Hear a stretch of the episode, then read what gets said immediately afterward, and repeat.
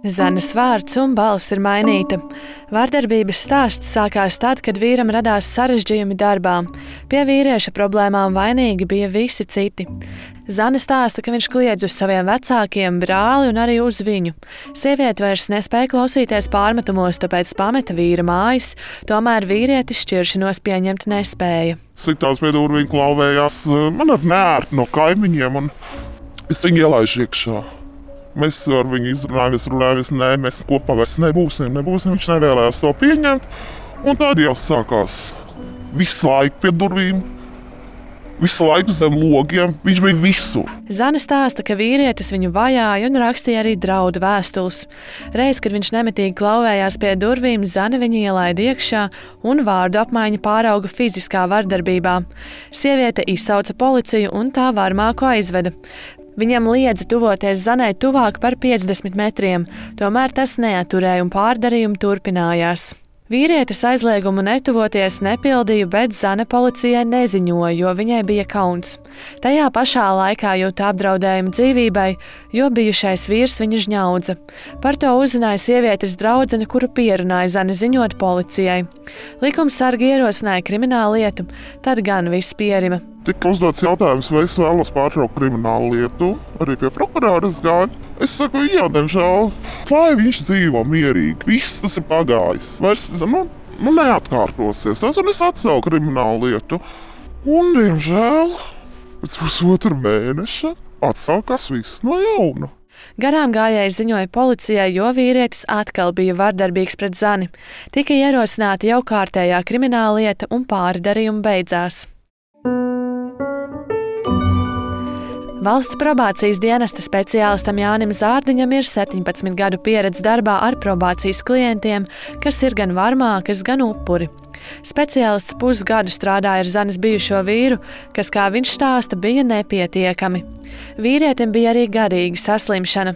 Jānis Zārdiņš stāsta, ka visefektīvākais darbs šādās situācijās ir starp institūciju sadarbībai. Šajā darbā ar uh, varmāku iesaistīties speciālists sanākt pie viena galda un tādējādi arī strādātu gan no korekcijas viedokļa šo cilvēku, gan no kontrolas viedokļa, gan arī kaut kādā mērā ņemot vērā cietušā aspektu, aizsargāt cietušo. Ļoti laba metode.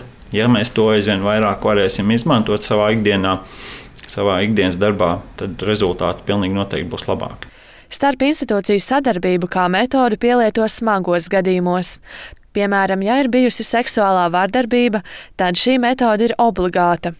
Savukārt nereti varmākām piespriesties sodi nav orientēti uz to, lai pārdarītājs labotos. Piespiedu darbu ideja tāda, ka cilvēks sabiedrības labā nostādā kaut kādu stundu piemēroto skaitu, bet tajā laikā mēs nestādājam šī cilvēka domāšanu. Tātad būtībā varmākas domāšana saglabājās tāda pati, kāda viņa bijusi. Ja paralēli, piemēram, notiek darbs pašvaldībā, notiek darbs sociālajā dienestā. Tur ir gan grupu darbs, iespējams, gan arī individuālais ar psihologu strādājot. Ja tas notiek un ir tie piespiedu darbi, tad viss ir kārtībā. Bet tie ir diezgan salīdzinoši reti gadījumi, kad šāds nu, veiksmīgi koordinēts darbs ir eh, izdevies. 2015. gadā notika virkne grozījumu krimināla likumā.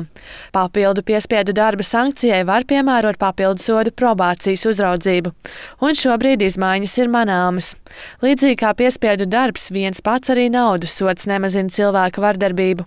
Turklāt trūcīgākās ģimenēs sodu izjūt arī cietušais, jo to maksā no kopējā ģimenes budžeta. Esmu Ieva Kulagina, Rīgas pilsētas Latgales priekšpilsētas tiesas tiesnese. Strādāju par tiesnesi jau 16 gadus un izskatu krimināllietas. Jo, kā mēs zinām, šis cilvēks kādreiz atgriezīsies sabiedrībā, vai, vai viņš neatkārtos šo savu rīcību.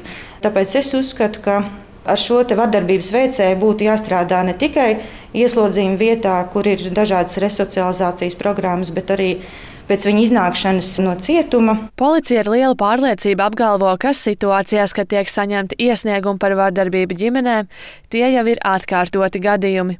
Jebkura policijas iesaiste jau ir solis atkārtotības mazināšanām, stāsta valsts policijas prevencijas vadības nodaļas priekšnieks Andris Rinkevits. Liels sasniegums, manuprāt, mums visiem ir ka šobrīd beidzot policijai ir tiesības un, un pienākums šo informāciju par vardarbības gadījumiem nodot sociālajiem dienestam, lai sazinātos ar, ar iespējamo cietušo un, un tad risinātu šo problēmu pēc pašas būtības. Tā kā sots ir efektīvs, bet viņš ir efektīvs uz sabiedrības pasargāšanu īslaicīgi, bet nevis uz pašu problēmas risināšanu. Šobrīd bijušais vīrs Zani ir līdzis mierā. Tomēr joprojām ik reiz, kad kāpņu telpā nostrādā gaismas sensori, viņu nepamat baiļu sajūta. Linda Spundiņa, Latvijas radio.